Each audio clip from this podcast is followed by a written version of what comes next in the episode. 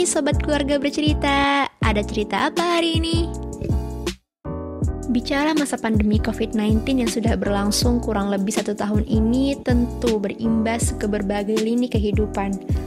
Mulai dari kemerosotan ekonomi, kegiatan pembelajaran yang dirumahkan, bekerja dari rumah, tapi ramai juga yang mengalami pemutusan hubungan kerja sampai masker yang menjadi kebutuhan pokok sebagai syarat wajib bagi kita ketika hendak keluar rumah, meskipun saat ini sedang ada pelarangan mudik. Nah, sobat kece tahu nggak sih? Keluarga juga termasuk lini yang terdampak hebat karena pandemi COVID-19. Menurut penelitian Badan Keahlian Dewan Perwakilan Rakyat Republik Indonesia tahun 2020, kasus KDRT meningkat selama masa pandemi ini. Salah satu faktor yang menyebabkan adanya keretakan dalam keharmonisan keluarga adalah kurangnya komunikasi yang efektif. Hmm, emangnya komunikasi efektif itu apa sih? Seberapa penting komunikasi efektif? Gimana kalau misalnya kita gagal menjalankan komunikasi efektif ini? Oke, supaya tahu jawabannya, yuk simak podcast ini sampai habis. Komunikasi efektif adalah komunikasi yang terjalin saat komunikan dan pendengar saling memahami maksud dari percakapan satu sama lain.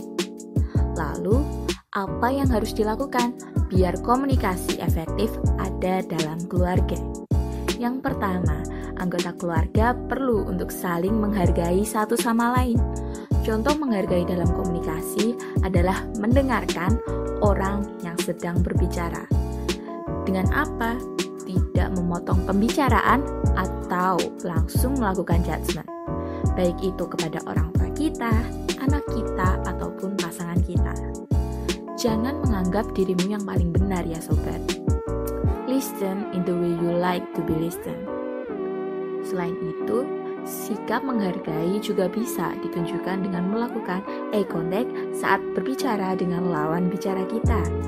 Jadi, ia akan merasa kalau kamu menaruh perhatian penuh kepada mereka. Kedua, anggota keluarga juga perlu menyiapkan diri untuk mendengar dan menerima masukan dari anggota keluarga yang lain dengan positif.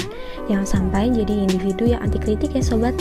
Jangan lupa juga nih, kalau kita ingin memberikan kritik, Susun cara dan kata terbaik hingga kritik yang kita sampaikan dapat membangun, bukan menjadikan orang lain menjadi merasa rendah diri ya. Selanjutnya, sebelum memulai pembicaraan, kamu bisa melihat situasi dulu. Apakah momen ini tepat untuk menyampaikan perasaanmu? Hindari juga untuk memberikan ekspektasi pada respon lawan pembicaraan agar komunikasi yang terjalin bisa lebih enjoy. Jika ada hal yang tidak bisa kamu pahami, segera tanyakan pada lawan bicaramu ya, agar kamu tidak membuat asumsi pribadi yang justru bisa menyesatkan dirimu sendiri. Oh iya, hindari untuk mengungkit kesalahan anggota keluarga yang lain juga ya sobat. Karena saat kamu mengungkit kesalahan mereka di masa lalu, hati mereka akan tersakiti. Terakhir, berikan kepercayaan pada anggota keluarga yang lainnya karena tidak semua hal harus didikte sesuai dengan keinginan orang tua atau pasangan. Perlu adanya eksplorasi agar mereka dapat menjadi individu yang lebih berkembang. Kita bisa memainkan peran sebagai pengawas atau pendamping agar mereka tidak melewati batas dan melakukan hal yang tidak diinginkan. Kira-kira apa yang akan terjadi jika komunikasi efektif ini gagal terlaksana? Komunikasi efektif ini akan gagal jika pesan yang disampaikan sulit dipahami dan menyinggung perasaan, sehingga membuat jarak antar anggota keluarga yang makin jauh, dan akhirnya gagal untuk saling mendukung satu sama lain. Nah, di samping itu, jika komunikasi efektif ini gagal, maka akan terciptanya hubungan yang negatif antar anggota keluarga.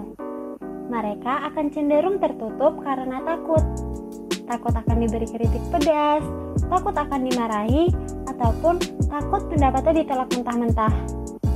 Jika keterbukaan tidak dapat muncul, maka orang tua akan sulit sekali untuk mendapatkan kepercayaan dari anak, ataupun sebaliknya. Kegagalan komunikasi efektif juga bisa menimbulkan ketidakpuasan pada anak loh, yang membuat kebutuhan psikisnya tidak dapat terpenuhi secara utuh sehingga membuat ia melakukan kompensasi agar kebutuhan psikisnya terpenuhi. Kalaupun kompensasi yang dilakukan itu sifatnya positif, maka kita tidak perlu khawatir.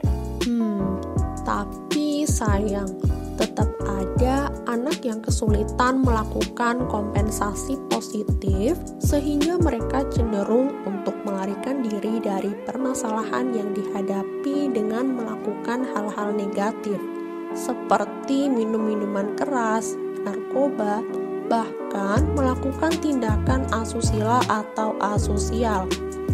Nah, sobat kece, kalau komunikasi efektif ini berhasil, maka dalam keluarga akan muncul keterbukaan, rasa empati, saling mendukung, dan sikap positif yang akan membuat individu merasa dihargai. Juga dapat membantu anak mencapai kematangan emosi sehingga akan mempengaruhi sikap serta perilaku individu dalam bertindak. Begitu sobat kece, yuk kita sama-sama berusaha untuk menetapkan komunikasi efektif ini agar tercipta keluarga yang harmonis dan rumah yang nyaman sebagai tempat pelepas penat. Oke, sekian cerita dari hari ini. Don't forget to click like and share ya. Thank you.